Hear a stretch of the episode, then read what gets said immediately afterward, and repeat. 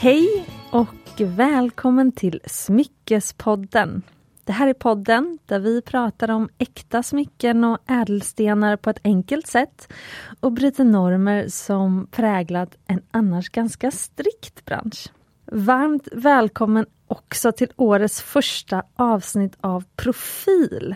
Det är ju den avsnittsserie i podden där jag bjuder in inspirerande gäster utanför eller i smyckesbranschen.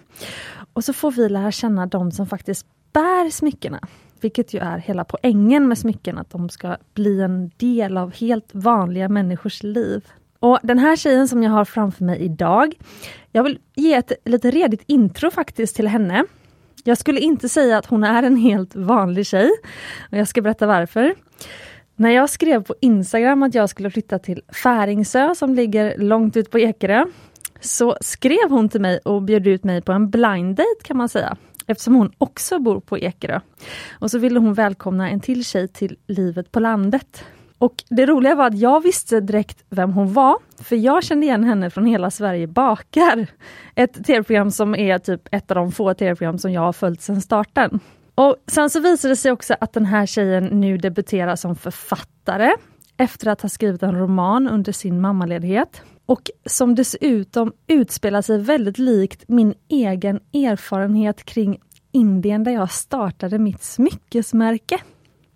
Vi ska gå in mer på hennes bok lite senare. Men inte bara fick hon ett bokkontrakt inom loppet av typ 20 minuter, utan hon fick även två, för hon fick redan kontrakt på en uppföljare. Och då kände jag att den här tjejen måste ju såklart komma till podden. Vi vill ju alla lära känna henne mer. Så lagom till att hennes debutroman släpps i handen så sitter hon nu framför mig här i poddstudion. Varmt välkommen Cassandra Brunstedt! Tusen, tusen tack! Vilket intro! ja, nej men jag kände att det finns så mycket. Jag sa, sa det innan att jag vet inte hur vi ska kunna hålla det här avsnittet till typ 75 minuter, men vi får försöka. Absolut. Du har ju väldigt mycket att dela och min uppgift är ju att eh, styra samtalet men utan att liksom koppla bort för mycket. Så att eh, men eh, så att idag så hoppas jag att vi kommer kunna ge er lyssnare massa inspiration kring att våga drömma, att följa dina drömmar och framförallt något som Cassandra är expert på, att ta action på dem. Men innan vi går in på allt det här spännande så, och det vi ska prata om då, det, då vill jag prata med Cassandra såklart om hennes smyckesintresse. Kan inte du berätta vad smycken har för roll i ditt liv? Ja, gud vad spännande fråga. Ja, alltså jag älskar smycken, tycker att, ja precis, ledande fråga. Nej men jag tycker att det är liksom verkligen någonting man kan investera i och som man liksom lyfter varje dag, varje liksom känsla, energin som man har. Och också liksom outfits, alltså man ska gå till ytliga saker. Eh, jag älskar Alltså det, är, det är lite likt skor och väskor, att man investerar i någonting som lyfter helheten så att säga. Och det tycker jag verkligen att eh, smycken kan tillföra. Men sen för mig så är det faktiskt viktigt att de betyder någonting. Eh, alltså jag har liksom smycken som jag har fått av ja, men mamma, min bästa kompis och sånt. Det har verkligen ett värde som, och liksom mor, farföräldrar sådär, eh, som är liksom bortom det estetiska och då liksom får det ett extra värde också. Mm. Eh, och som jag berättar för dig nu så har jag liksom ett halsband på mig som, som en kompispärla. Vi var på en Köpenhamn-weekend, jag och några kompisar nu i sommar. Och så sen så såg vi en tjej då som satt och eh, gjorde smycken eh, på plats i en liten studio eller affär eller vad man säger.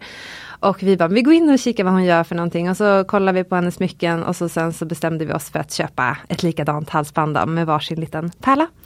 Eh, och det tycker jag är en så här, eh, så du sa ju att man skulle ta på sig sina favoritsmycken. Just nu är, är det ett favoritsmycke bara för att det liksom får mig att tänka på mina vänner.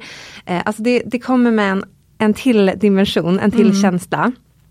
Och eh, sen så Alltså jag, jag är verkligen en sån här som kan gå med samma smycken liksom, år efter år efter år efter år. Jag, liksom, jag kan tillföra någonting men jag behöver inte, eh, de betyder mycket för mig. Mm. Mm. Men hur kommer det sig att man inte köper en kompiströja till exempel tror du? Ja, det var en bra fråga. Det gjorde man ju när man var yngre. Faktiskt nu när du sa det, då kunde man ju liksom köpa samma tröja. Så um, ja, jag vet faktiskt inte ens vems idé det här var att vi skulle köpa samma halsband. Uh, och, uh, men det var en bra idé och alla liksom blev väldigt glada för vi bara gick runt, tog på oss dem direkt. alltså vi är ändå liksom 35 typ. och så gick runt som små så här, tjejer och var jätteglada för våra små pärlor. mm. Men jag tror att det kanske är att det blir så personligt fast det tar inte över. Och Aha. att det får hänga kvar då, för en tröja vill, behöver man ju tvätta och byta ut, man kan ta samma tröja varje dag. Eh, men det här med smycken, då får den hänga där och så tills man liksom är färdig med det, då kan man byta smycken sen. Ja, det var faktiskt eh, en bra reflektion. Eh, och bestående är det ju. Ja. ja. Men jag filmar också lite dina smycken, så ja. tänkte när man eh, lyssnar på avsnittet kan man kolla på Instagram och sådär. Ja. Ehm, men kan du inte berätta, för du har ju till exempel en väldigt cool earstack. Mm, mm. Så kan du inte berätta vad mer för smycken du har på dig? Ja, eh, först och främst eh, så har jag, just nu har jag bara min eh, förlovningsring och vigselring. Eh, jag är gravid och jag har redan liksom svullit upp på liksom, händerna. Jag vet inte om du kommer behöva ta av dig dina, men jag hade ju så svårt förra graviditeten ja. att få av mig ringarna. Jag höll på i säkert två veckor och Christer bara, men gud vi måste klippa upp dem. Liksom. Alltså jag gjorde alla YouTube-trick man kan göra så nu är jag lite så här, gud jag måste ta av med dem i tid den här gången för att redan nu har jag liksom blivit lite vattenfylld så. Ja du sover med dem? Ja, jag sover med de här ja. Ja, det gör inte du. Nej, jag, Nej. Jag, alla ringar tar alltid av men för att, jag, man svullnar ju ändå på nätterna ja. så jag tycker inte det är så bekvämt att sova med ringar. Nej, det är sant. Men jag har ju, jag har bara på mig tre ringar och jag, i alla fall kanske jag har på mig över hela händerna. Ja. Så att eh, alla smycken är inte längre lika bekväma kan jag säga. Nej, och det är säkert olika för alla men jag tror jag ganska snart kommer behöva ta med de här. Men annars så kan jag ha några fler ringar också. Men, men just nu så är det de och det är min man som eh, eh bestämde eh, helt. Alltså, vi hade aldrig pratat någonsin om förlovningsring eller alltså min smak eller någonting sånt. Han hade aldrig frågat en enda fråga. Vi hade ju för sig varit tillsammans tror jag, sju år när han friade. Så att jag menar man känner ju varandra lite grann. Men jag tyckte ändå att det var så himla lustigt att liksom när jag öppnade den där liksom lasken när han friade och det låg ändå så här en helt perfekt ring. Jag kände så här, men alltså va? Den här är skitsnygg, hur lyckades du med det här liksom? eh, men då, i, alltså Christer min man, han är, jag ska inte säga att han är helt blå person, men han är eh, delvis ganska blå Excel liksom aktig. Så Blå han, är då de här färg, personlighetsfärgerna? Ja precis, så han liksom gillar ju strukturordning och liksom när saker är som det ska och kolla upp, alltså han kan ju verkligen googla i oändligheter för att få liksom all fakta om han vill mm. lära sig någonting om något. Och det han förstod och det han har berättat för mig det är ju att det fanns otroligt stor skillnad och jättemycket parametrar när det kommer till diamanter. Mm. Och han visste ju liksom vilken ring, eller liksom, det visste han inte heller. Han gjorde också ett Excel-ark för så här, eh, vad var det, alltså det var verkligen parametrar som så här, klassiska förlovningsringar genom tiden. Ja. typ så. Och liksom populära just nu och allt sånt där. Men sen så var det framförallt det han sa att han lärde sig jättemycket om och det han fortfarande menar att han, jag sa att jag skulle vara med i den här podden, han bara men jag är ju expert på det. Eh, det är diamanter. Och jag har inte lärt mig särskilt mycket men han sa ju att eh, han bara då var det så mycket att tänka på. Det var liksom, då gjorde han också ett Excel-ark och sen så bara så här, ding ding ding ding ding. Det här är viktigt, det här är viktigt, det här är viktigt. Och och kvaliteten på liksom själva stenen var ju mm. jätteviktigt. Och han sa så att du kan få en dubbelt så stor om du vill men då kommer den vara mycket sämre. Jag bara, men det, det vill jag inte ha, det här räcker bra. så att ja, det har jag lärt mig. ja, så det är en väldigt fin diamant och du har din Ja ring. men det är den faktiskt, ja. den är väldigt fin. Eh, och eh, mm, så, så jag är supernöjd med den och den satt liksom bra direkt och eh, Nej men jag har aldrig känt någon, liksom, att jag vill uppdatera den eller Jag får nästan beskriva den för att se. Mm, mm. Det är ju en ehm, mm, Det är en väldigt klassisk solitärring med sex klor. Alltså det är en sån som det går inte att gå fel med den. Nej, nej men jag kände lite så. Så, mm. så klassisk och passar liksom min stil och, och sådär. Så att nej men eh, full pott kände jag mm. och eh, blev ännu gladare när han fria. Eh, så att det har jag på mig och sen som sagt har jag Ja men guld och eh, pärlor har jag just nu. Så jag har den här pärlan runt halsen och i öronen har jag också äkta pärlor och eh, guldörhängen, sju stycken. Just det. Mm. Mm. Jätte, jättecool erstark tycker jag. Och det är det som är kul med örhängen och halsband också då att när fingrarna då ändrar i storlek så kan man liksom, då blir man en jeweler girl liksom ovanför halsen i alla fall. Ja, precis, det är sant. Ja. Okej vad härligt, Va, då behöver inte jag eh, fråga dig om historien kring din förlovningsring för att jag tittat den på vår middag så berättar du den. Och så frågar du, är det en fin sten jag har? ja. Precis, eller har han ljugit om det här? att det var den bästa. Precis. Ja, härligt.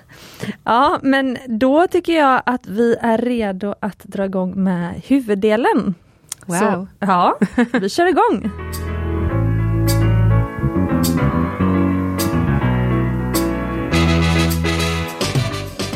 Du är ju kanske en av de personerna som jag har träffat i mitt liv som faktiskt är mest lik mig själv på en punkt. Wow. Ja, och det är att du verkar ha väldigt lätt för att bli väldigt intresserad av väldigt mycket olika saker. Ja. Och inte nog med det, sen går du in 110% i att så här, lära dig om det. Ja, faktiskt. Det är bra uppfattat. Ja, eh, och du har ju bland annat varit chefredaktör för Metro Mode. Mm.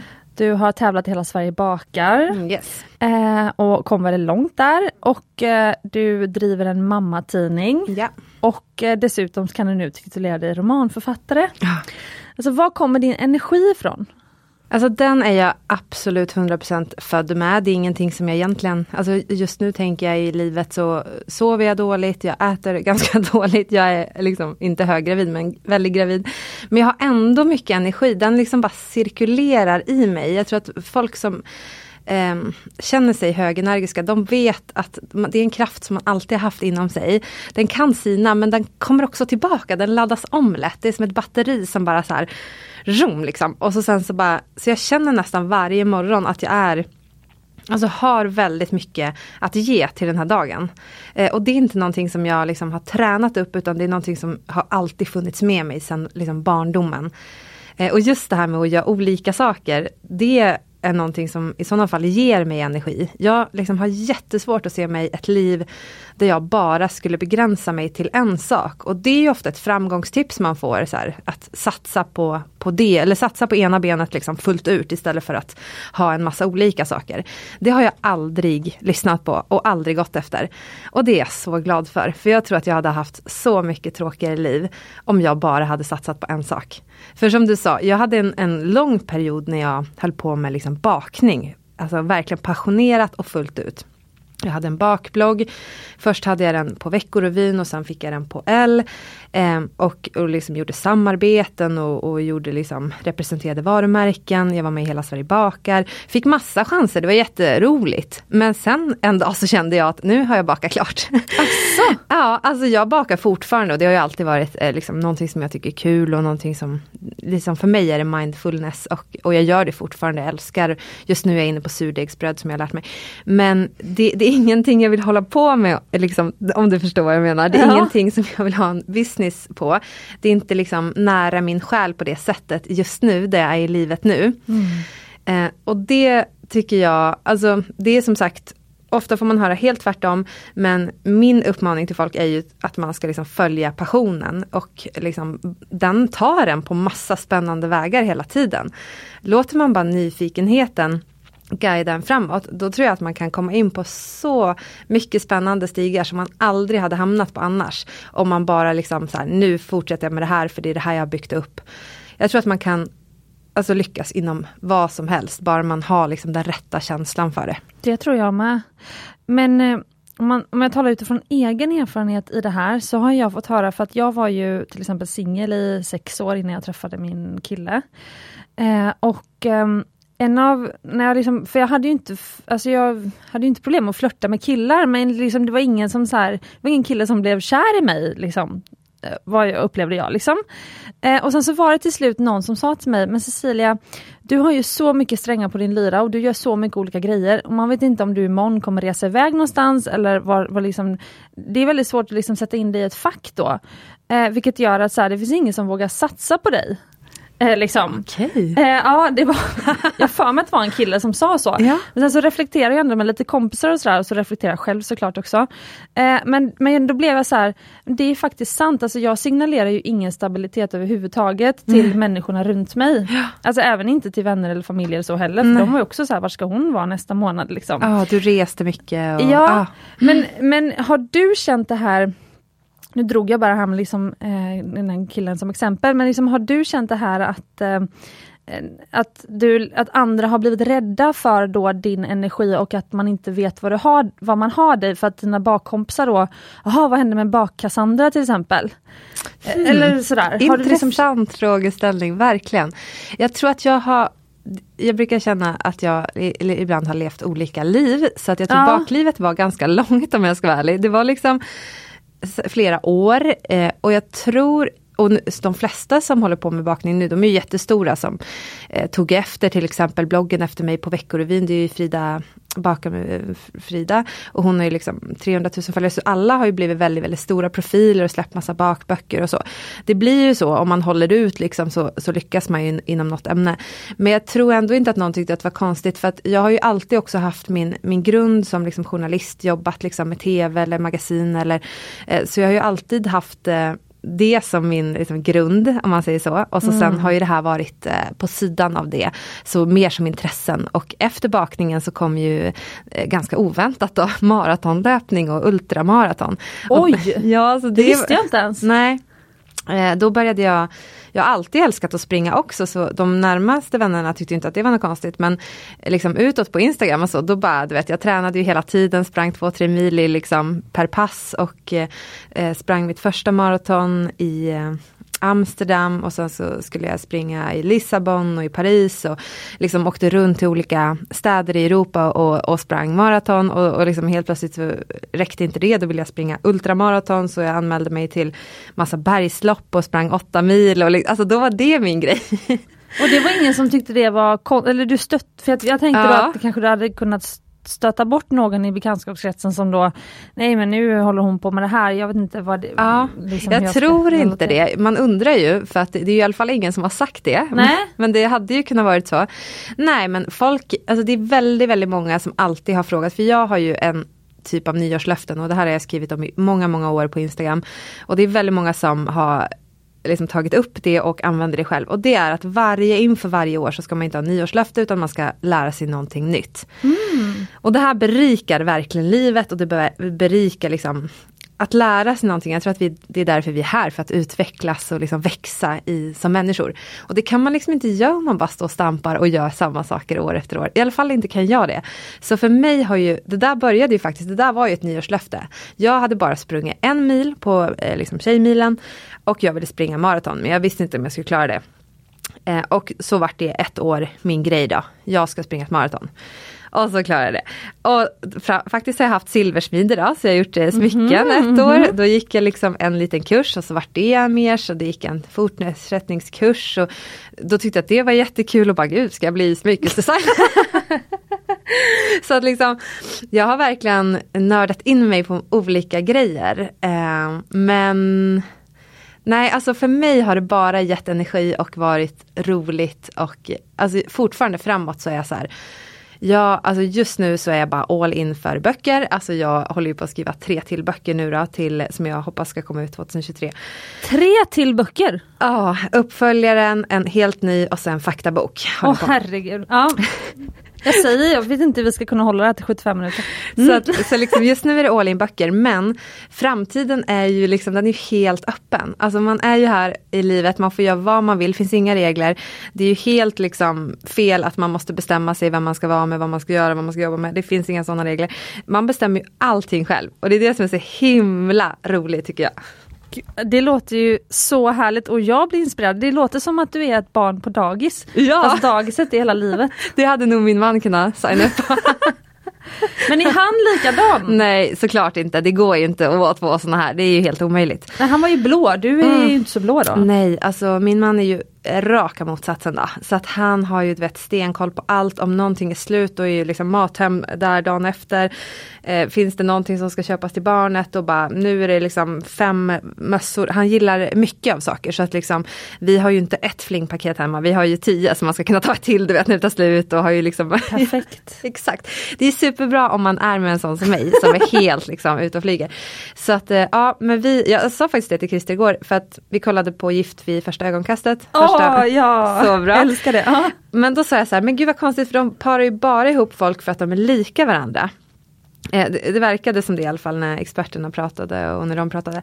Eh, jag bara, det är, vi är ju helt olika, vi blir ju tillsammans som en optimal människa. Alltså jag känner att Christer gör ju mig till en svinbra person för att han kompletterar mig. Eh, men vi har ju ingenting, ing, alltså vi, absolut vissa saker, vi är superdrivna, liksom, vi har mycket energi, vi liksom förverkligar liksom, saker som vi är doers och, och massa sånt där har vi gemensamt. Mm. Men, eh, men också väldigt mycket som är helt liksom, olika. Eh, så det är ändå intressant det där. Eh, och jag har ju liksom inte funkat ihop med ex där jag har varit för lika de som jag har varit tillsammans med. Det går liksom inte med mig. Har de då också varit så alltså, högenergiska alltså, och spridda sina intressen som du har varit? Eller på vilket sätt har de varit Mm. lika dig? Ja men om jag, om jag säger känslomässigt eh, framförallt. Om jag säger att Ah. jag är eh, en känslomänniska till 110%. Eh, jag ska säga att jag nästan varje dag känner så här, att jag älskar att leva. Men sen kan jag också, du vet, vilja kasta in handduken eh, liksom för att någonting något litet kommer och jag bara fy fan livet suger. Christer bara va du var ju jättelycklig i morse när du vaknade. Sa att du älskade livet och gick ut och sjöng. Jag bara just det. Så att det är, liksom, det är väldigt så här högt och lågt och liksom höga toppar, djupa dalar fast de är inte så långa men det är liksom, jag kan uppleva så mycket under en dag. Medan Christer han är liksom ett rakt streck som går liksom, han är, han är liksom aldrig, alltså det är klart att han känner saker men han in, visar inte, det är inte lika tydligt som med mig om man säger så. Eh, och sådana ex-killar eh, som har haft också väldigt liksom upp och ner som jag, det funkar inte så bra. Nej. Men det här med Gift vid första ögonkastet, alltså förra året så var det ju ett par som jag tänkte på där de hade faktiskt försökt att para ihop två som kompletterar varandra. Eh, och ehm, det var han lite med han skogshuggarkillen. Och, Just så var, ja, och då tyckte jag liksom att, för att jag såg lite mig och eh, min kille i deras relation. Och så var jag så här, gud vad jag förstår deras konflikter. Men gud vad jag också bara skulle önska att så här, de, om de förstod vilka varandra var så skulle liksom de... Så kände jag också. Ja, Verkligen. du förstår vad jag menar.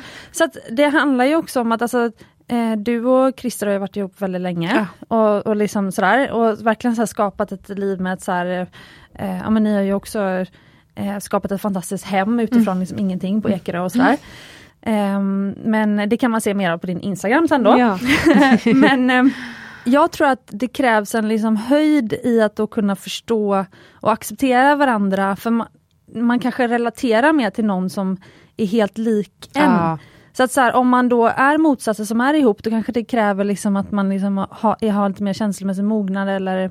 Det eller, tror jag. Eller förstår vad jag menar? 100% för att man connectar ju ganska snabbt genom att man har liknande likheter. Så, så är det med vänner också. Man känner sig du också, och jag också. Alltså att det är spegel, liksom, att man ser sig själv Ja. i den personen. Så att, eh, det finns ju mycket i det här med att man känner sig hemma, man känner sig trygg. Liksom så.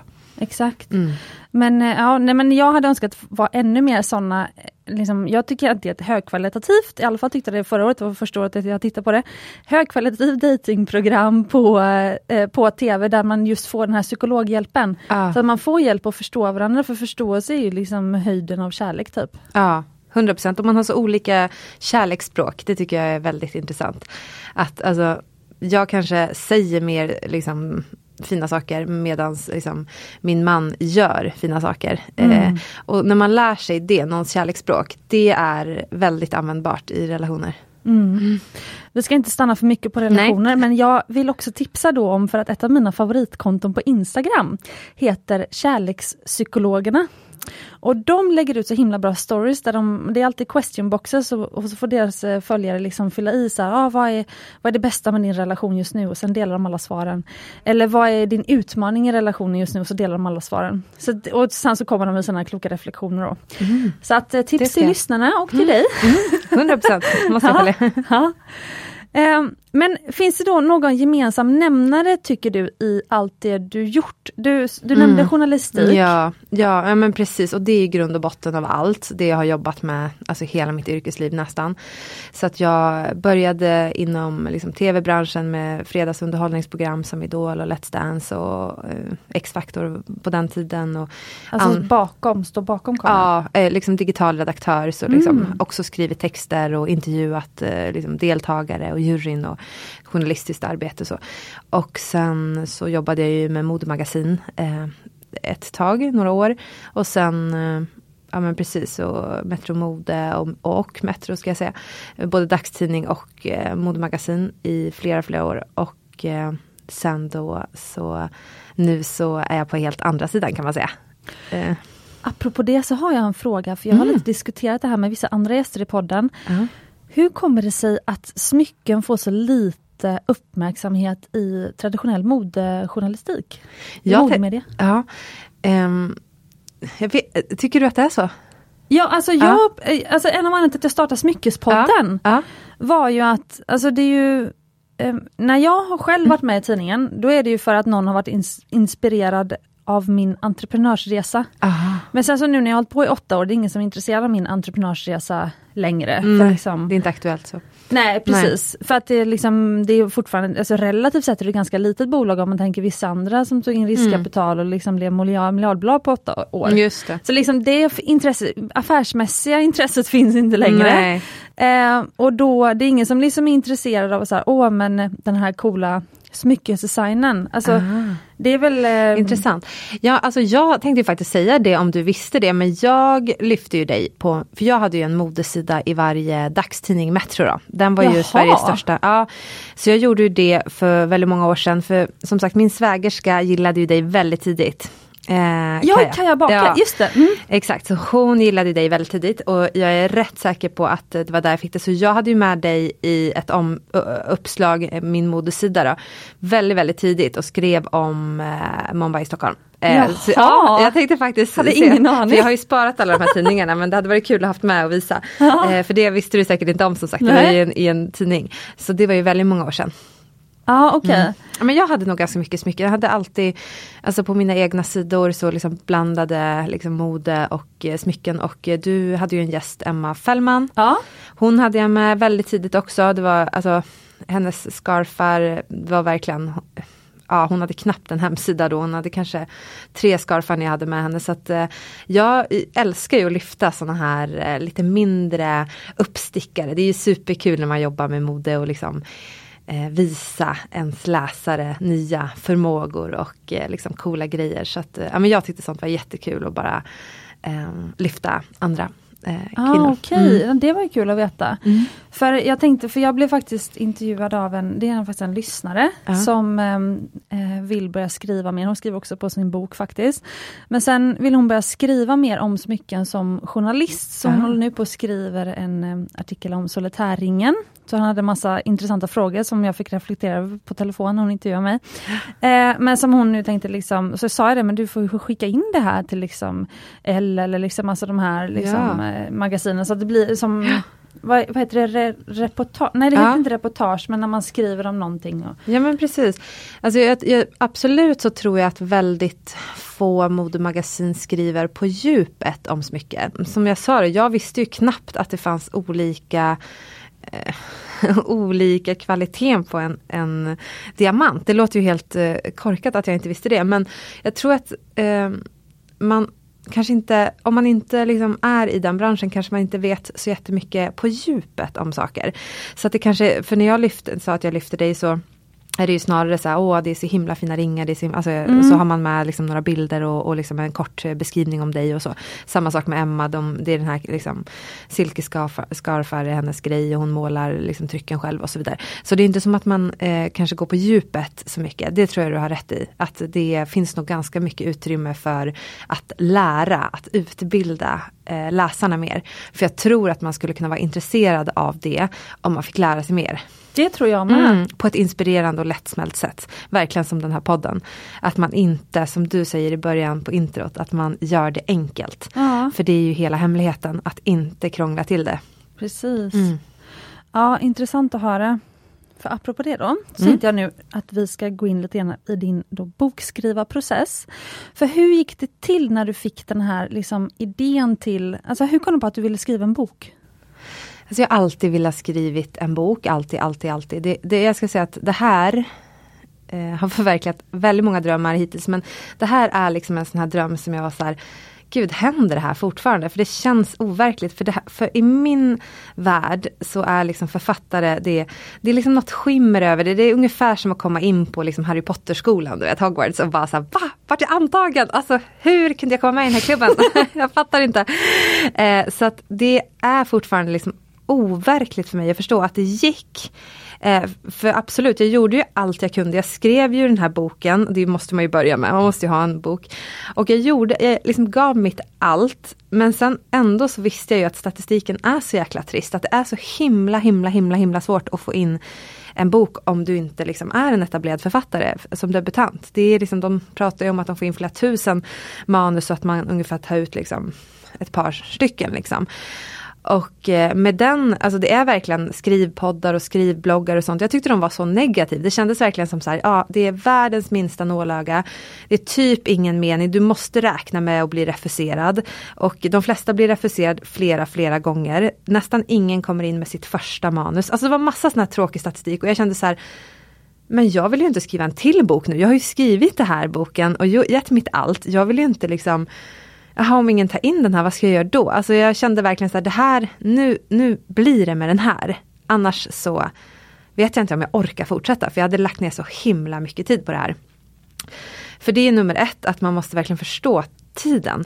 Så jag kan verkligen bli ledsen nu när jag ser en sån här liten låda i en affär och så bara böcker 10 kronor du vet. För att man bara mm. känner så här, alltså, jag vet inte om någon förstår hur mycket, mycket jobb det ligger bakom varenda mening i den här boken.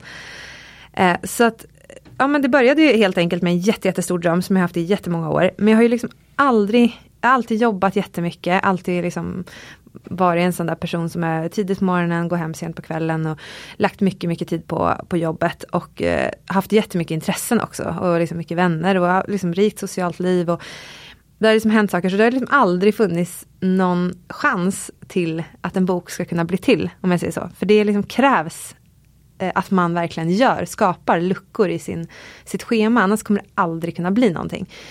Eh, och jag har absolut börjat. Det är ju ganska enkelt. Jag har börjat och så sen så eh, slutför jag inte den boken. Är det, är det samma manus? Nej. Nej. Nej, det är tidigare har jag börjat med andra manus men inte slutfört. Men sen då så hamnade jag i en situation i livet, ganska likt den här huvudkaraktären.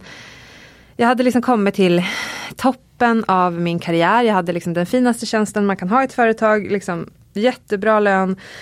Mm, liksom utåt sett såg allt superbra ut, gick på massa champagnemingel, hade liksom massa inflytande och, och liksom härligt liv.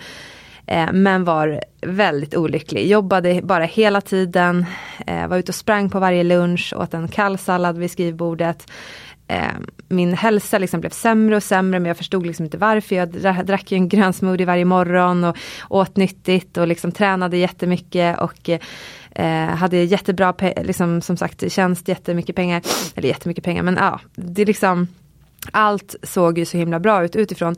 Men jag började få liksom massa fysiska symptom, jag liksom började tappa håret, jag liksom hade ingen energi, liksom den bara försvann. Jag, jag fick massa andra eh, jätte jättekonstiga fysiska symptom. Jag gick till läkaren såklart, jag gick till flera olika läkare. Vi tog massa tester och det var bara så nej men det är ingenting fel på dig. Eh, och jag bara okej, okay, men då kör jag vidare. Och körde vidare, och körde vidare och eh, det hände massa saker parallellt. Pappa dog bara plötsligt från ena dagen till den andra. Och eh, jag kände bara så här, jag kan inte vara kvar här, jag kan inte leva det här livet. Jag säger upp mig. Så jag sa upp mig från ena dagen till den andra. Och helt plötsligt så, så stod jag där, pappa hade dött, jag hade inget jobb, jag, jag hade ingen riktning framåt, jag visste inte ens vad jag ville göra framåt. Jag, som, som jag sagt att jag alltid får så mycket energi och har så mycket idéer och liksom, det hade jag inte då.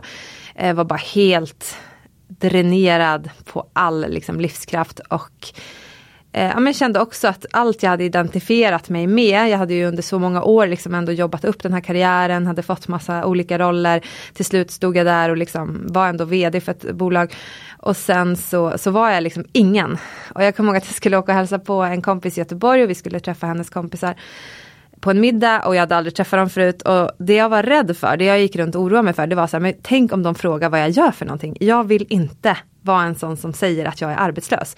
Även fast jag själv hade sagt upp mig. Och liksom, jag är ju ingen, alltså det liksom, har ju ingen titel, jag är ju ingen person. Liksom. Nu, alltså, det här är verkligen Ja, eh, att, att jag tänkte sådana tankar känns väldigt främmande idag men då var ju det verkligen så här, jag tyckte det var superjobbigt att gå på den där middagen och eh, liksom, ja, dyka upp som, som jag såg det då, som en loser liksom. Och eh, där var jag ett tag, eh, i den liksom eh, svarta gropen. Och sen så av en slump så hamnade jag på Berns, gick på en föreläsning eh, med Björn Natthiko Lindeblad med en kompis. Och eh, jag kunde inte riktigt koncentrera mig för jag var ju liksom i ett dåligt tillstånd och liksom hade dåligt eh, psykiskt mående men också fysiskt mående och eh, sådär. Så jag hörde inte riktigt eh, vad han sa hela tiden. Men på slutet så sa han att det viktigaste att komma ihåg det är att ha tillit när ingenting är som det ska i livet på att allt faktiskt är det.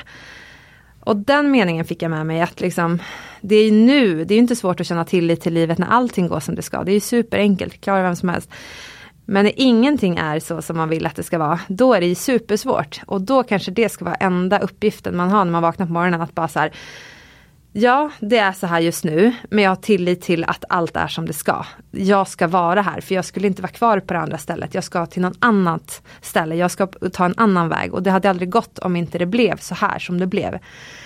Eh, och den meningen var faktiskt startskottet till hela Indienresan. Så att jag, två veckor senare så, så bokade jag en enkel biljett till Indien. Helt enkelt, min bok heter ju En enkel till Indien.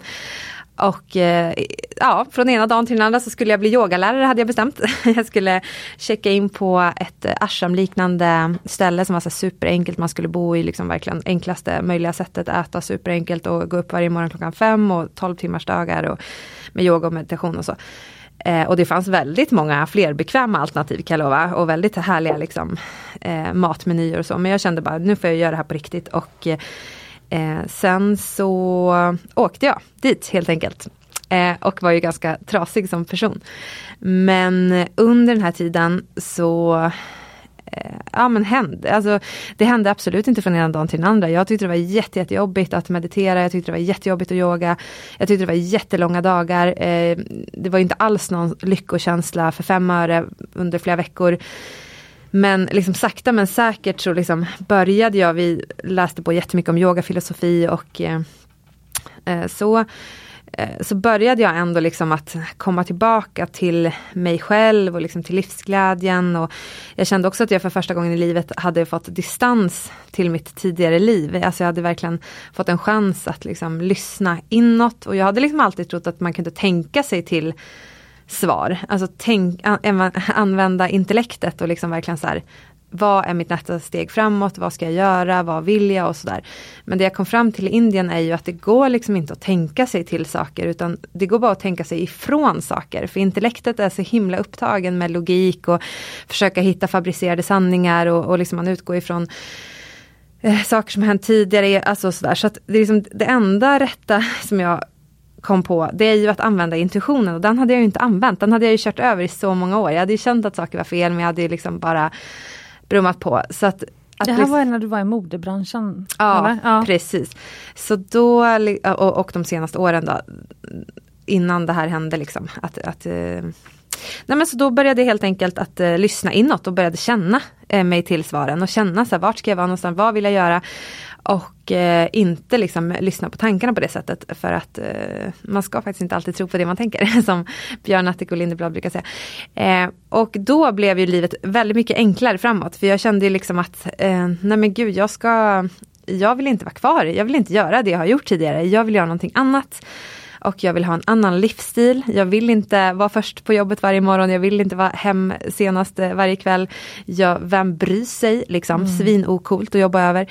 Alltså det liksom fick helt andra värderingar och eh, kände bara att eh, framåt från och med nu så ska jag aldrig glömma det här. Jag ska aldrig glömma de här grejerna som jag har lärt mig. Och det har jag faktiskt inte gjort sedan dess. Det här är liksom tre år sedan.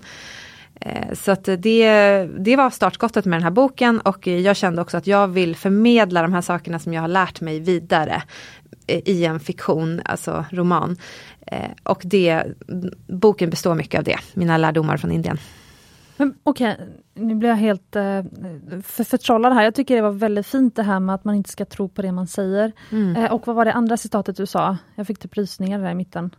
Eh, nej men det var väl att man ska lita på att eh, när man är på sin djupaste botten så mm. finns det mening med det. Ja, precis. Ja.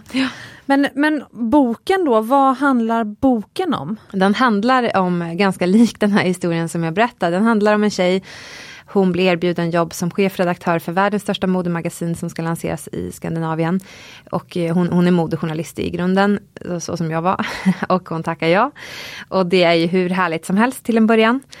Och allt flyter på, så som det ofta gör. Eh, och sen så börjar det knaka i fogarna. Eh, så det börjar hända diverse saker på jobbet såklart, men det påverkar ju hela ens liv. För det är ju någonting man gör åtta timmar per dag. Så att, eh, påverkar livet, påverkar relationerna, påverkar liksom, ja, men hela hennes fysiska och psykiska välmående. Och eh, likt mig då, då eh, så ja, det, hon bryter ihop kan man säga och eh, allt faller samman. Och hon bokar en enkel biljett till Indien och checkar in på ett ashram vid foten av Himalaya i Rishikesh. Och vad är det som händer? För att du är den andra gästen i Profil, den här serien av podden, som faktiskt har en väldigt liknande historia. Och det är den, andra, den första var Josefin Dahlberg. Och hon var ju också moderedaktör, fast hon var ju chefredaktör för eh, Modett va? Ja, Modett precis. Ja.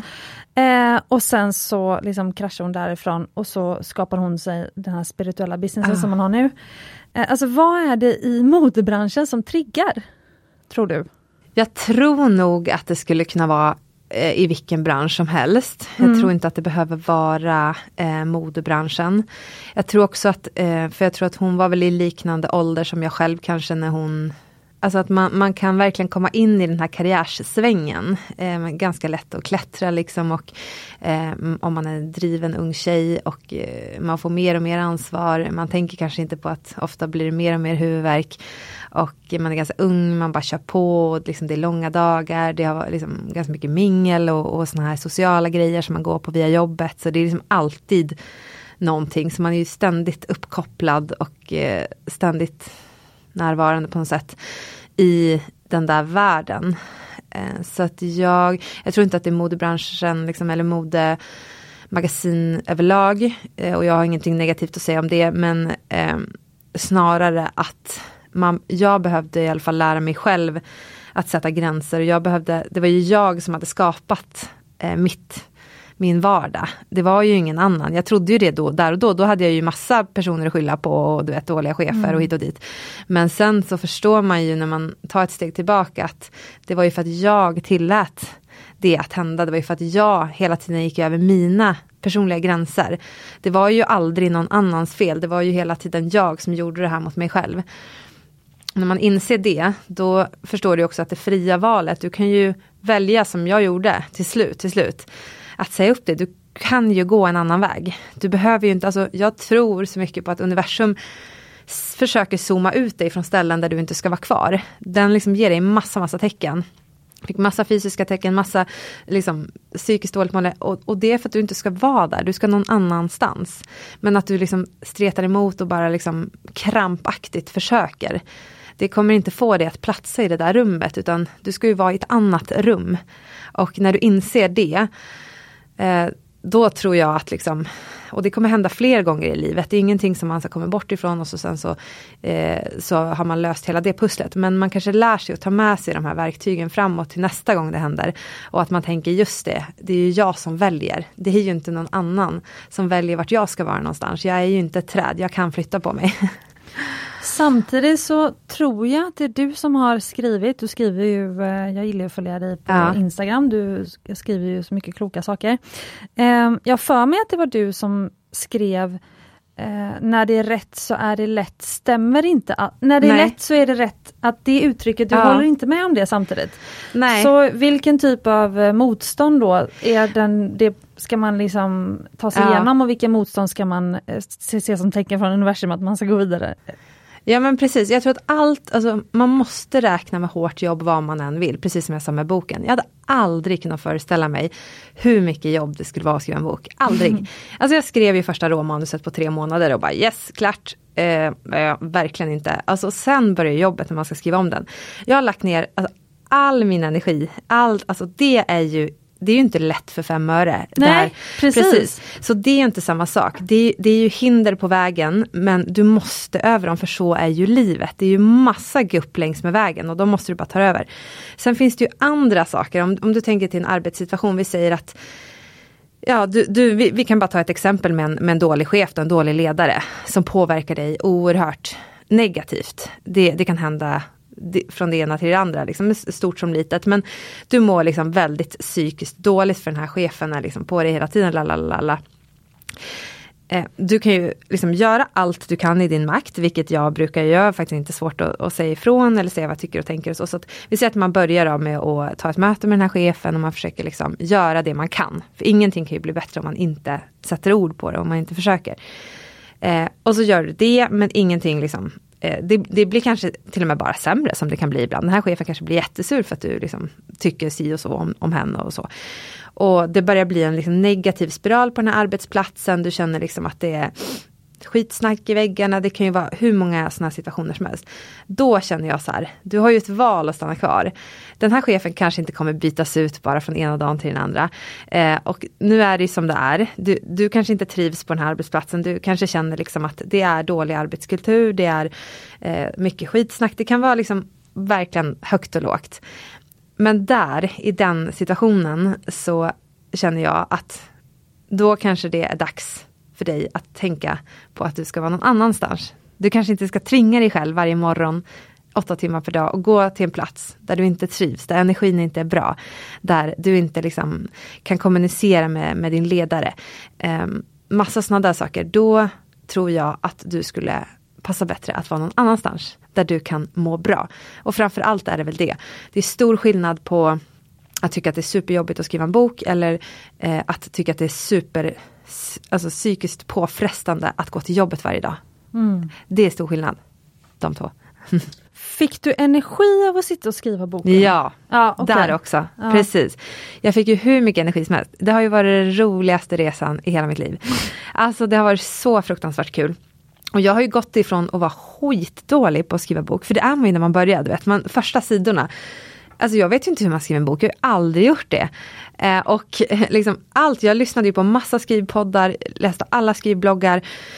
Bara slukade internet på allt liksom, googlade liksom, hur skriver man en bok, vad finns det för tips liksom. För att jag kunde ju inget, man, man kan ju inget man inte har gjort tidigare, man måste ju lära sig det.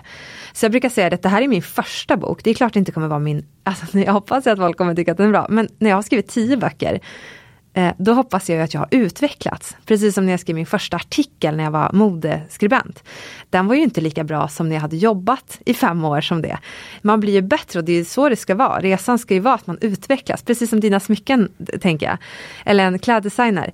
Eh, så att det är ju en pågående resa hela tiden. Eh, man utvecklas och lär sig och jag känner att det jag har lärt mig på den här tiden, ungefär ett och ett halvt år sedan jag började, det är ju som att jag har gått en författarutbildning. Jag har ju inte gått någon skrivkurs eller så, men jag har liksom samlat på mig så mycket kunskap, så idag känner jag ju så här, ja men jag kan ju skriva en bok, för jag har ju faktiskt gjort det. Men jag kunde ju inte det när jag började, jag hade ju ingen aning om hur jag skulle liksom få det här att bli dramaturgiskt bra, eller att någon skulle bli berörd, eller hur, hur bygger man karaktärer? För jag hade ju liksom aldrig gjort det. Samtidigt så tror jag faktiskt att, eh, alltså för det var någon som sa Just det, den här boken Lev kreativt, apropå Emma Fällman. Hon, vi har ju båda läst samma bok, ah. eh, så, som vi upptäckte när hon var här i poddstudion. Just. Eh, men den handlar ju om att, alltså, att du är ju bara en kanal för du har ditt verktyg, om det är att mitt verktyg är att designa smycken, ditt ah. verktyg är pennan, ah. eller eh, vad det nu är. Verktyget är ju, och, hjälper alltså du är ju en kanal och ditt verktyg är ju det som får det liksom, eh, på, på pränt eller i, i tal eller skrift eller i en produkt så att du kan prata, kommunicera med världen. Ah. Så att, och kreativiteten är ju något som ligger utanför dig, så du är kanalen för ah. kreativiteten. Liksom. Ja. Eh, så att det som kommer till dig är liksom meningen att det ska bara komma genom dig. Ja, Eh, det tror jag på också. Ja, 100 procent. men det, för jag, alltså nu i dagarna har jag faktiskt återlanserat mina två första designs. Är det sant? Sen har jag gjort bara lite liksom kvalitetstweakar. Ja. Liksom det är ett armband med ett hjärta och ett armband med en svala. Och då har jag liksom ändrat lite grann bara så att det ska vara liksom lite högre kvalitet. Ah. Men annars är jag så här, de är så fina och så här, eh, jag, tycker, ja, men jag tycker liksom åtta år senare att för mig är de perfekta. Ja. Sådär. Eh, och sen så om jag tänker tillbaka på alla smycken jag designat genom åren. ja. Då, alltså då finns det ju många när man har varit lite lat, kanske kreativt lat eller man liksom har jag har tagit lite med en klackspark. ja. De smyckena har ju, de är inte kvar i kollektionen. Liksom. De slog ju aldrig. Liksom. Men det här liksom, det är ingen skillnad på när jag känner så här, wow nu har jag lyckats med en design idag mot för åtta år sedan, för det är liksom nästan samma hög kvalitet. Ja, det är superbra. Jag så tänker liksom din bok, den här En enkelt i Indien, Ja. För det som också, hon är författare, hon som skrev den här boken Lev kreativt, Ja. den, eh, som, som handlar om, liksom, som har blivit känd över hela ja, världen. den om- måste jag läsa. Ja, hur man hittar sin kreativitet. Ja. Du kommer ju antagligen känna igen dig så mycket. Wow. Eh, men hon säger det att Alltså man kan ju lätt, typ som den här, jag tror att din roman kommer bli en bestsäljare. Mm, wow. Men då kan ju du få världens ångest, ska jag skriva en till bestsäljare nu? Om Ah. jag inte gör det så kommer, alltså hon beskriver författarens dilemma. Mm. Eh, Så att man kan vara fången då i sin tidigare succé eller framgång.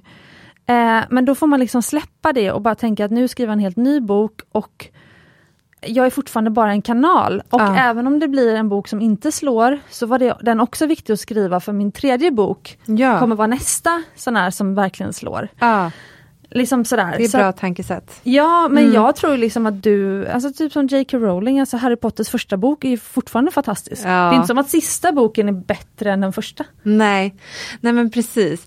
Eh, nej men det har du rätt i. Man, man, det, man måste nästan se efter tredje backen, är den bättre eller liksom eh, Men absolut, jag har ju gett mitt allt i den här, så kan man ju säga. Det är inte som att jag på något sätt eh, tycker att den är dålig, eh, utan jag har ju gett eh, mitt, eh, min, mina allra sista energi, liksom, vad säger man? Alltså mina celler har Kramat verkligen- ur, ja. precis. Allt har jag gett eh, in i det sista. Så att eh, om jag ser det här som ett maraton som absolut, det kan liknas med det längsta maratonet ever. Så har jag ju liksom sprungit med blodsmak i munnen så länge och sen bara passerat eh, liksom mållinjen och gjort allt jag kunnat. Så känner Det, ja men det som blir spännande att se sen är ju om din tredje, femte, tionde bok är liksom ett lättare projekt. Det tror jag. Precis, så att, så att liksom processen dit kan ju bli enklare. Det tror jag, precis. Hantverket är ju någonting man lär sig, precis, Precis. som ja, eh, att skriva artiklar liksom, som jag gjort mycket tidigare och, och liksom reportage och så. så att, eh, att lära sig hantverket och att det utvecklas också. Jag tänker också språket utvecklas ju ganska Mm. mycket. Det har jag i alla fall hört av andra författare, att man, man känner så här, oj skrev jag, alltså, för det har ju också med ålder att göra, du vet vilket språk du skriver på. Sen är man 50 år så kanske man inte har samma som när man är 30 då. Eh, så, så det är intressant, men det är ändå resan som är rolig och eh, jag tänker att allt ska ju förändras hela tiden, ingenting ska förbli.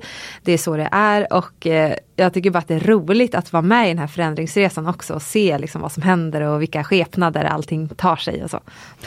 Men du måste ju berätta hur du fick kontraktet, för sen så du hade ju då ditt manus och Yes. du, du bestämde dig när du fick din första son, Ja. Hamilton. Yes. Eh, kan du inte berätta om resan från då du när du eh, liksom fick honom till att du sen fick manuset i din hand? Eller förlåt, eh, eller, man, eller Ah. bokkontraktet i hand. jag säga. Precis. Ja, men jag skrev varje gång han sov.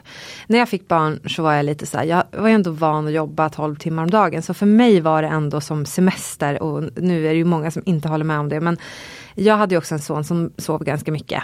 De flesta bebisar, om de inte har kolik, kanske sover ändå ganska mycket i början. För att de ska ju göra det. Eh, och det är inte långa stunder. Det är ju, om jag minns rätt nu, det är ett litet tag sedan. Så, så är det väl kanske max en timme eller sådär som de sover per gång. Men ändå så är det ju tid där du bara kan sätta dig ner och göra någonting. För jag ha- har faktiskt aldrig kunnat sovit på dagtid eller så som andra gör. Så det gjorde jag aldrig. Men eh, då tog jag liksom varenda timme, smällde upp, jag har en exakt likadan dator som dig. Tog En upp den, rosa? ja det har jag. Och sen så började jag skriva Och bara skriva, skriva, skriva. Jag hade ju skrivit, jag hade ju börjat redan innan han kom. Men jag hade inte blivit klar.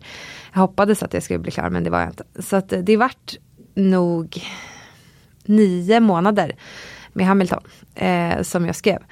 Eh, och det vart svårare och svårare ju äldre han blev såklart. Jag tänkte så här, va? Ska han inte sova tre gånger per dag längre? Gud, allt bara förändrades hela tiden och till slut så liksom skulle han inte alls sova mycket, han skulle vara vaken, han höll på att lära sig gå när han var åtta månader. Så liksom allt bara, åh nej, jag har ju liksom, jag är inte klar än. Men, eller om det var sju månader, jag kommer inte ihåg när jag skickade in exakt. Men det var ju alltså i juni förra året. Ja, han var lite mindre då. Men eh, då så en dag så kände jag så nej men nu är jag klar. Och då kan jag säga att jag hade känt det såklart. Jag hade ju försökt att lura mig själv, så jag är klar flera gånger tidigare. Men så bestämde jag mig, nej jag är inte klar. Jag måste ta en runda till, en runda till. Så jag tog hela tiden redigeringsrundor och sådär. För det jag hade läst var att nästan alla skickade in sina manus för tidigt. Mm -hmm. Alltså man, man, man gör dem inte så bra man kan, utan man hoppas att någon ska se potentialen i dem och ta upp dem ändå. Och att man då ska ha tid att uh, redigera redigera och jobba om och så. Men jag kände väl absolut att jag ville ha en perfekt produkt och jag är liksom har alltid varit eh, högpresterande på det sättet att jag känner att jag vill lämna ifrån mig någonting som jag är väldigt stolt över och känner bra och så eh, så jag eh, jobbade om och jobbade om och jobbade om och jobbade om och till slut en dag så kände jag så här, nej men nu, nu kan jag inte göra mer. Jag var sjukt less på manuset och jag hade läst att när man känner sig så less på manuset att man aldrig mer vill se det, då är man klar. Och så kände jag, för jag hade gjort så många rundor. Och bara så här, alltså varenda ord hade jag liksom, jag hade läst den högt flera gånger också. Det här är nästan 400 sidor så det tar ju lång tid de här grejerna.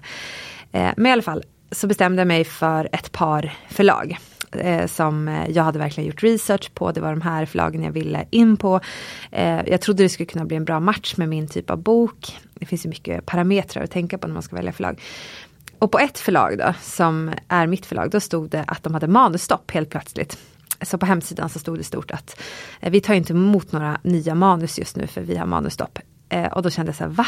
Nej men gud, det var ju hit jag skulle skicka liksom, bland annat. Jag skickade till, tror jag, fyra stycken första gången. Eh, och eh, då kände jag så här, skitsamma. Och eh, jag gjorde också en annan sak som jag rekommenderar till andra och det är att Istället, jag skickade absolut till manushögen som man kallar det. Det finns alltså en manusmail som man kan skicka sina manus till. Men sen gick jag också in och skickade det direkt till vdn. För ofta kan man ju kolla upp eh, privata mailadresser. Så. så jag gick in och kikade vad hennes mail var och så skickade jag ett mail och skrev att eh, det här är den nästa bästsäljande internationella succén såklart. Man måste ju kunna sälja. Och sen så tänkte jag inte så mycket mer på det, för jag hade ju läst att eh, man skulle vänta, jag tror att de skriver på hemsidan 3 till 5 månader på svar och så. Och ofta får man ju bara standardsvar, man får inte ens någon person som liksom går in personligen och svarar utan det är liksom tack för ditt manus och ja, så. Och sen så visste jag ju som sagt att den här statistiken var riktigt jäkla tråkig. Men men. Och jag visste också att det var sommar för jag ville ju skicka in tidigare men jag hann ju inte. Så att jag har för mig att det här var runt 10 juni. Eller 20 juni eller något sånt där. Så att det var ju väldigt sent och då så stod det också att då är det semestertider och sådär. Så att då, man ska ju absolut inte skicka in sin bok eh, just då. Men i alla fall så hade jag gjort det och eh, sen så dagen efter så är jag ute och går med Hamilton och eh, jag får ett mail, jag får en eh, notis. Och eh, direkt så ser jag ju att det är från eh, det här förlaget, bokförlaget, LB förlag. Eh, och jag bara stannar upp och öppnar mejlet och det står att hon, vdn, har läst min bok under den kvällen jag skickade in det. Eh, hon eh, gillar den jättemycket och eh, hon vill erbjuda mig ett bokkontrakt. Alltså står det i... står det i mejlet och jag liksom bara så här, alltså jag kan inte tro att det är sant. Alltså, det är verkligen den mest surrealistiska känslan som jag har känt. För jag tänkte så här, det här är, det här är inte på riktigt. Så liksom Hamilton sov och jag bara så ställde mig och bara så hoppade upp och ner. Och bara så här, men gud är det sant? Och jag bara, hon skriver ju att hon, alltså det var inte som att så här, kan vi ses utan det var så här, jag vill ge dig ett kontrakt. Ja. Och jag bara Nej men gud, och så var jag så himla rädd på att hon skulle ångra sig eller någonting så jag bara svarade direkt så här, va? Gud det här är helt sjukt liksom. Åh, tusen tack, kan vi ses? Du vet så la Och sen sågs vi några dagar senare och då hade jag ju faktiskt hunnit få två till eh, förlag som ville ge ut boken.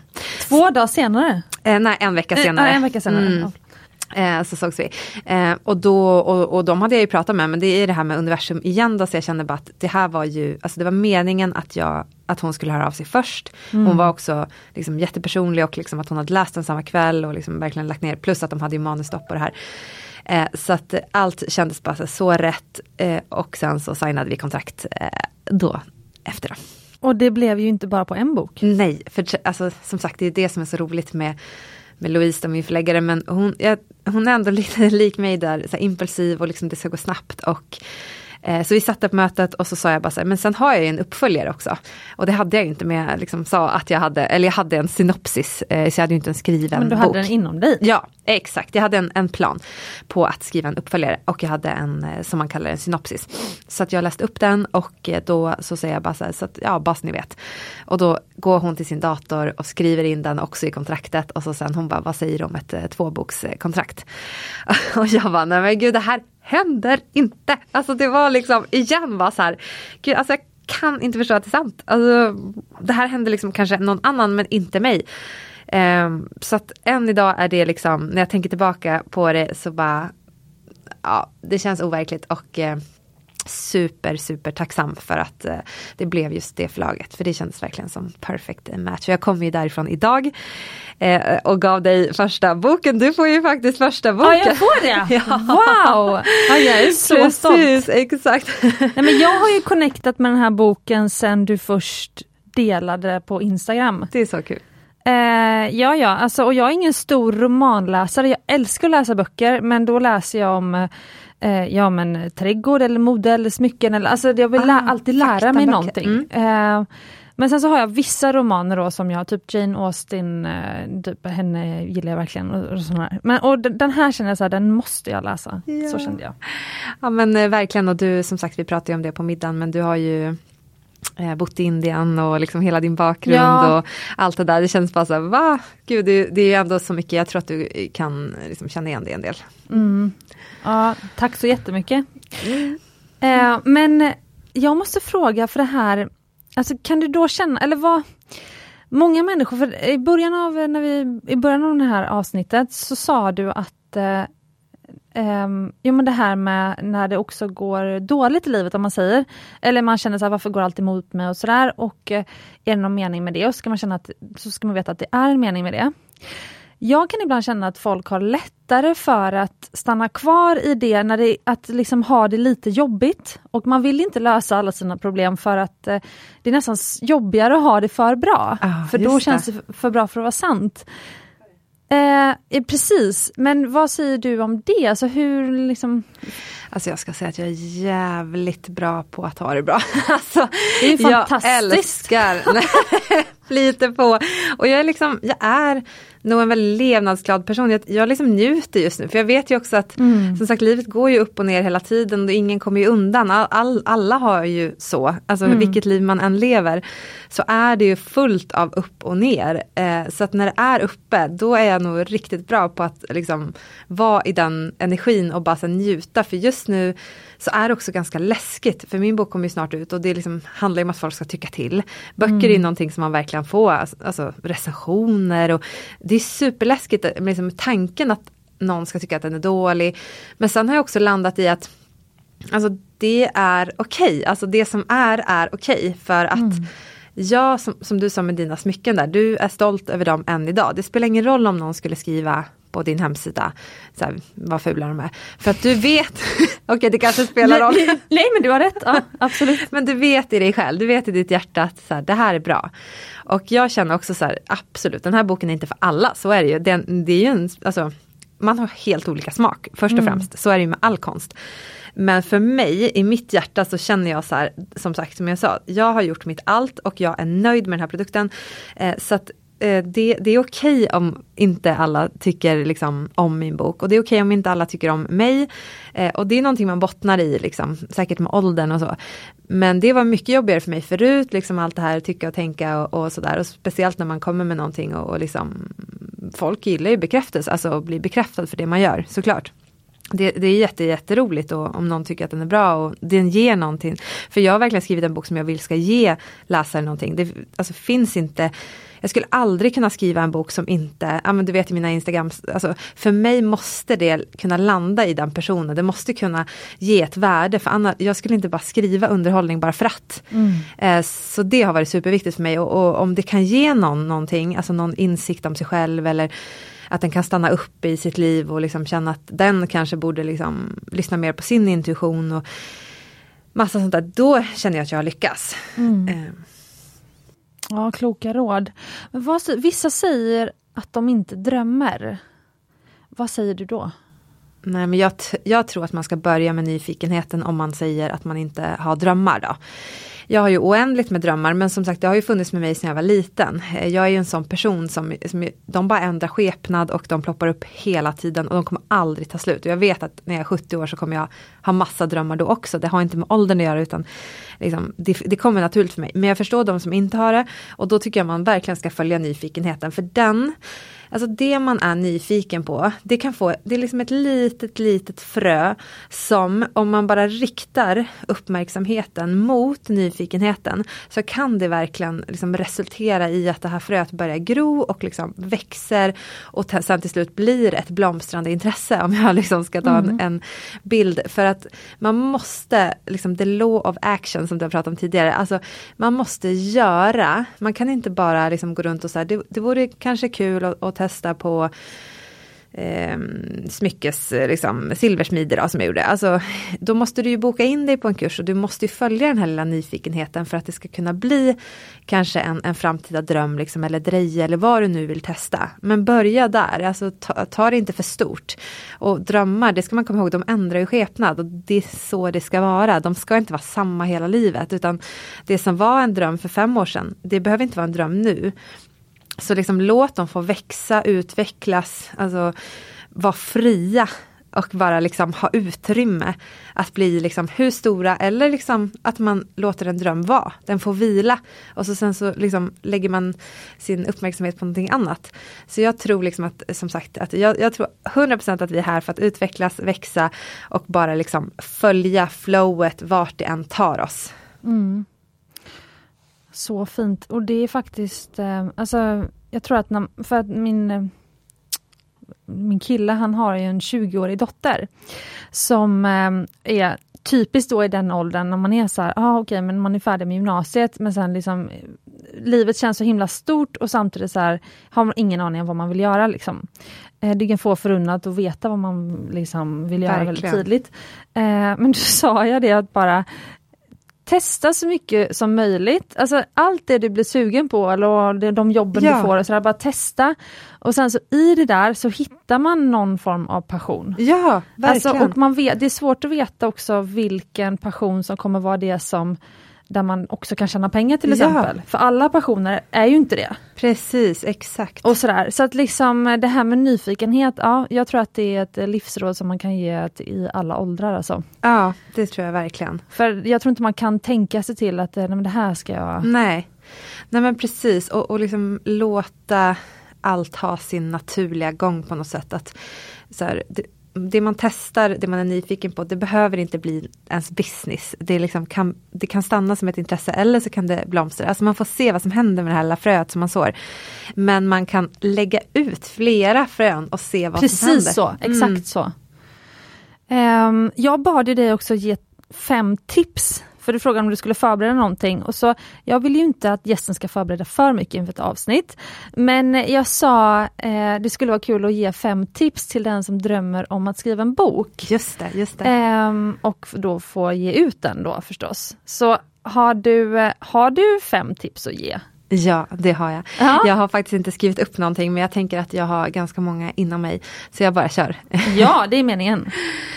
ja men först och främst så tänker jag att eh, Alltså man kan inte bara, då det här gäller allt i livet, man kan inte bara lägga på på ett schema. Jag tror att de allra flesta människorna har, eh, vilken ålder man än är i, så tycker man att man har för lite tid. Det är ett vanligt liksom, någonting man hör, att man, man har inte tid att sätta sig och skriva, man har inte tid att gå ut och träna eller vad det nu kan vara. Eh, och för att lägga till någonting så måste man ofta ta bort någonting. Och för mig så kan jag lova att jag har tagit bort saker. Jag hade aldrig kunnat lagt till den här boken på ett jätterikt socialt liv, på träning fem dagar i veckan, på eh, allt som jag tycker också är kul och vill lägga tid på. Jag har fått sitta och skriva bok på hela helger fast jag har heltidsjobb. Jag har fått sitta när jag kommer hem från jobbet sena kvällar när jag inte är sugen på att skriva bok. Det här kanske inte låter så härligt som man vill att första tipset ska låta. Men det är någonting som är så viktigt att så här, alltså se över ditt liksom, liv, ditt eh, liksom, livspussel, ditt schema finns det någonting du kan ta bort? För att annars kommer du inte kunna frigöra dig den tiden som det behövs. Och det behövs tid för att skriva en bok. Det kan jag verkligen lova.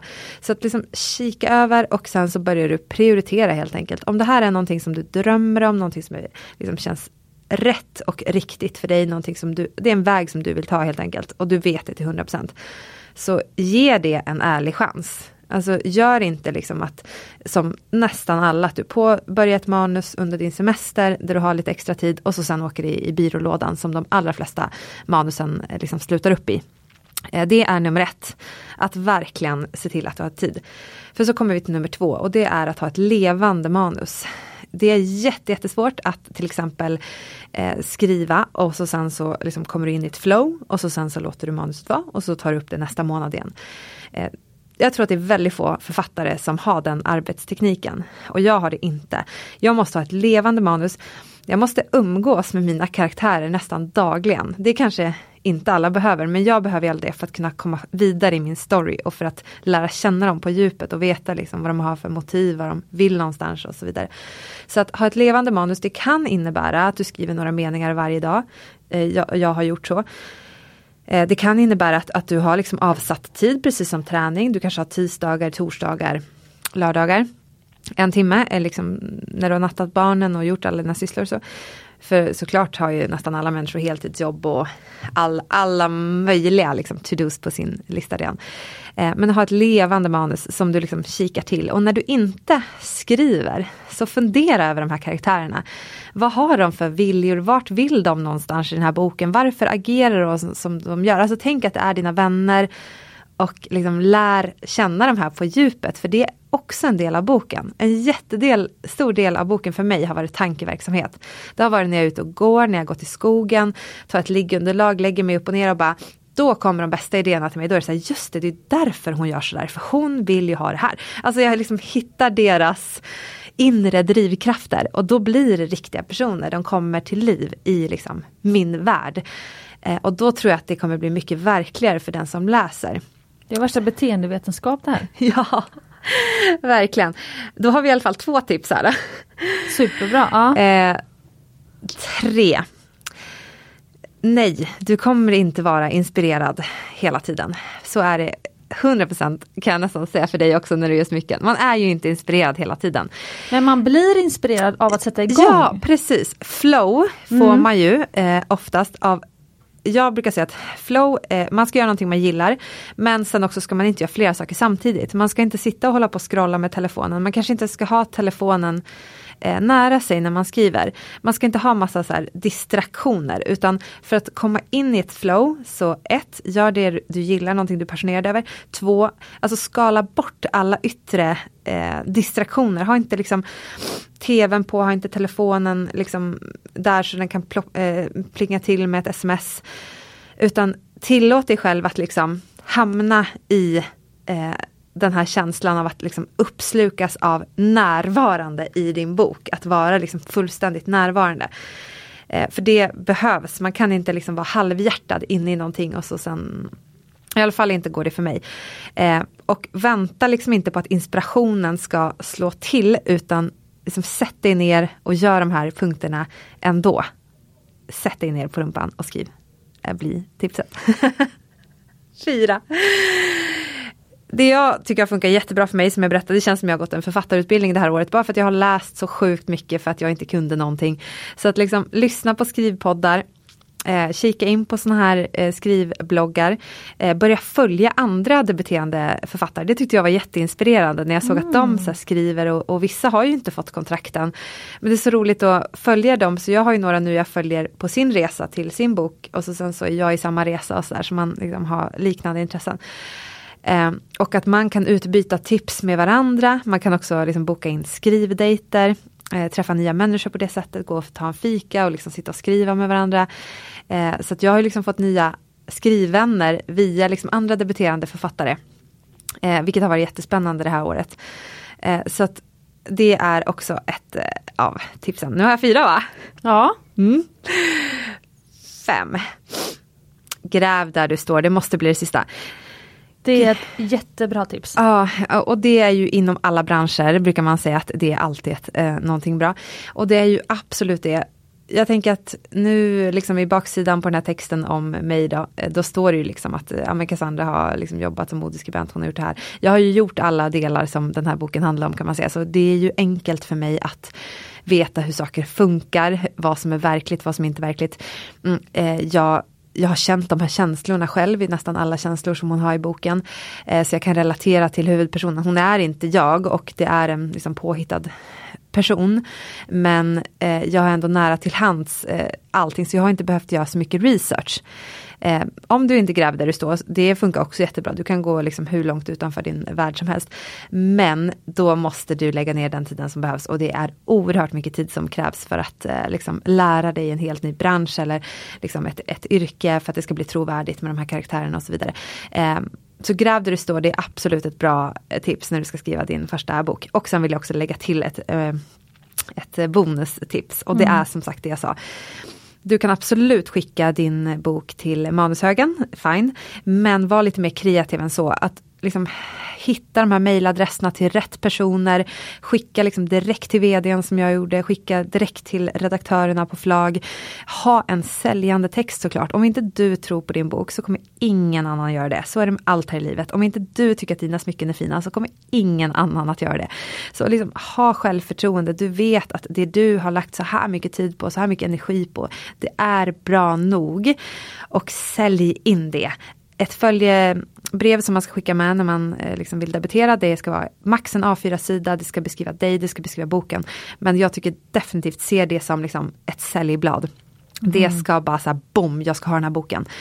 Eh, så det blir bonustipset. jag har en följdfråga. Fick andra läsa din, ditt manus innan du skickade in? Nej, jag har tagit hjälp av lektör som det heter. Alltså att jag har skickat, eh, så det har jag tagit hjälp av. Men inga liksom, vänner eller bekanta eller något sånt där. Inte ens min man. Eh, så att jag tog hjälp och det är jättevanligt att man gör. Så att eh, man tar hjälp av en, man betalar en lektör heter det. Och så sen så skickar man det till en person. Och så sen så får man Eh, ett mejl tillbaka kan man säga och då står det, alltså en lektör den lägger sig i dramaturgiska bågen som är superviktig. Eh, karaktärerna, trovärdighet, alltså man kan säga storyn, så ingenting med språket. Utan bara liksom själva, kommer vändningarna på rätt ställe? Eh, kommer liksom mittpunkten på rätt ställe. Um, så att tempot i boken? Rätt, ja, liksom. precis. Dramaturgiska bågen men också absolut kan de säga så här, de här karaktärerna känns otrovärdiga, de kan du skala bort och så vidare. Det var superbra tyckte jag. Mm. Det kostar en slant. Det kan kosta ungefär 10 000 men det är, det är ju som en liten kurs i sig. Man, jag pratade ju aldrig med min lektör eh, ens ett telefonsamtal men ändå liksom mejlet jag fick tillbaka, jag lärde mig jättemycket av det. Eh, så att eh, det är ett hett tips att ta hjälp av en lektör och när du googlar det så kommer det komma upp hur många alternativ som helst och, och det finns att följa på Instagram och så. Eh, det rekommenderar jag starkt att göra, att ha någon utomstående som kikar på texten och eh, vad har de för bakgrund, lektörer? Ofta har de jobbat på förlag. Ah, okay. Det hade min liksom, tjej då, som jag tog hjälp av. Så hon hade liksom flera års erfarenhet, så hon har ju varit en sån som har tagit in manus.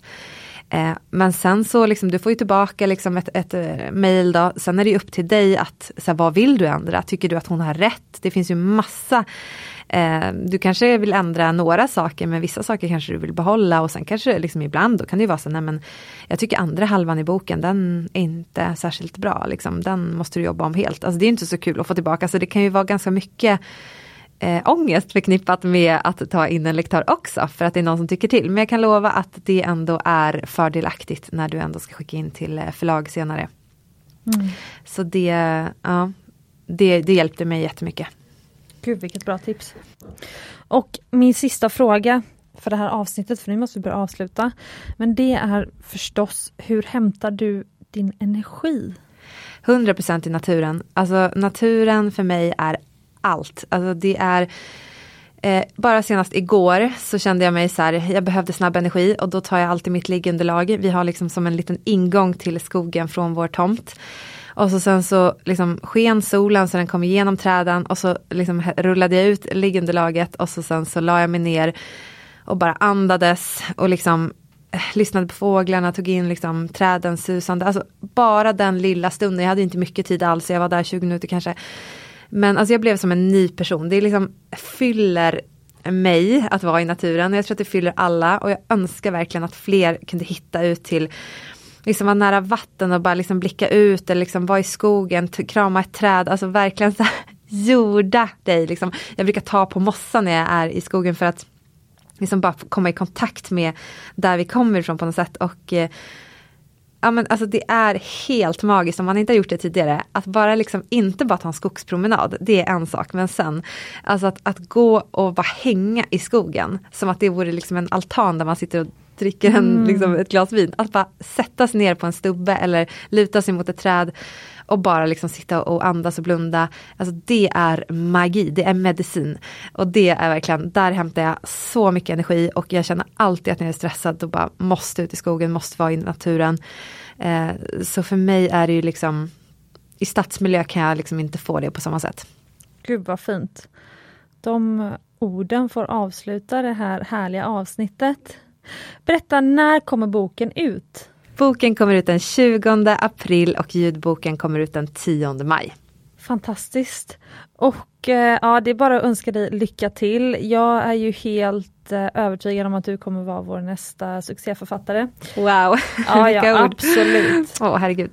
Eh, och jag är jätteglad att jag fick ha med dig i podden. Sen kanske du kommer bli uppbokad så det kommer vara svårt att få tag på dig sen.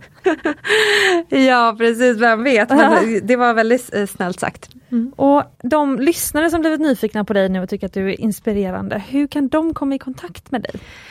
De kan absolut börja följa mig på Instagram, cassandra.brunstedt. Um, ja, det är väl nog det enklaste sättet tror jag, att bara slänga iväg ett DM. Jag svarar egentligen på allt. Uh, så att uh, har jättemånga som hört av sig och vill ha skrivtips och sånt där. Så det tycker jag är superkul. Jag älskar ju att uh, ge vidare saker och uh, tror på att det är så man, alltså det jag ger det får jag tillbaka. Så att vill man ha tips eller liksom vad som helst så är det bara att skriva.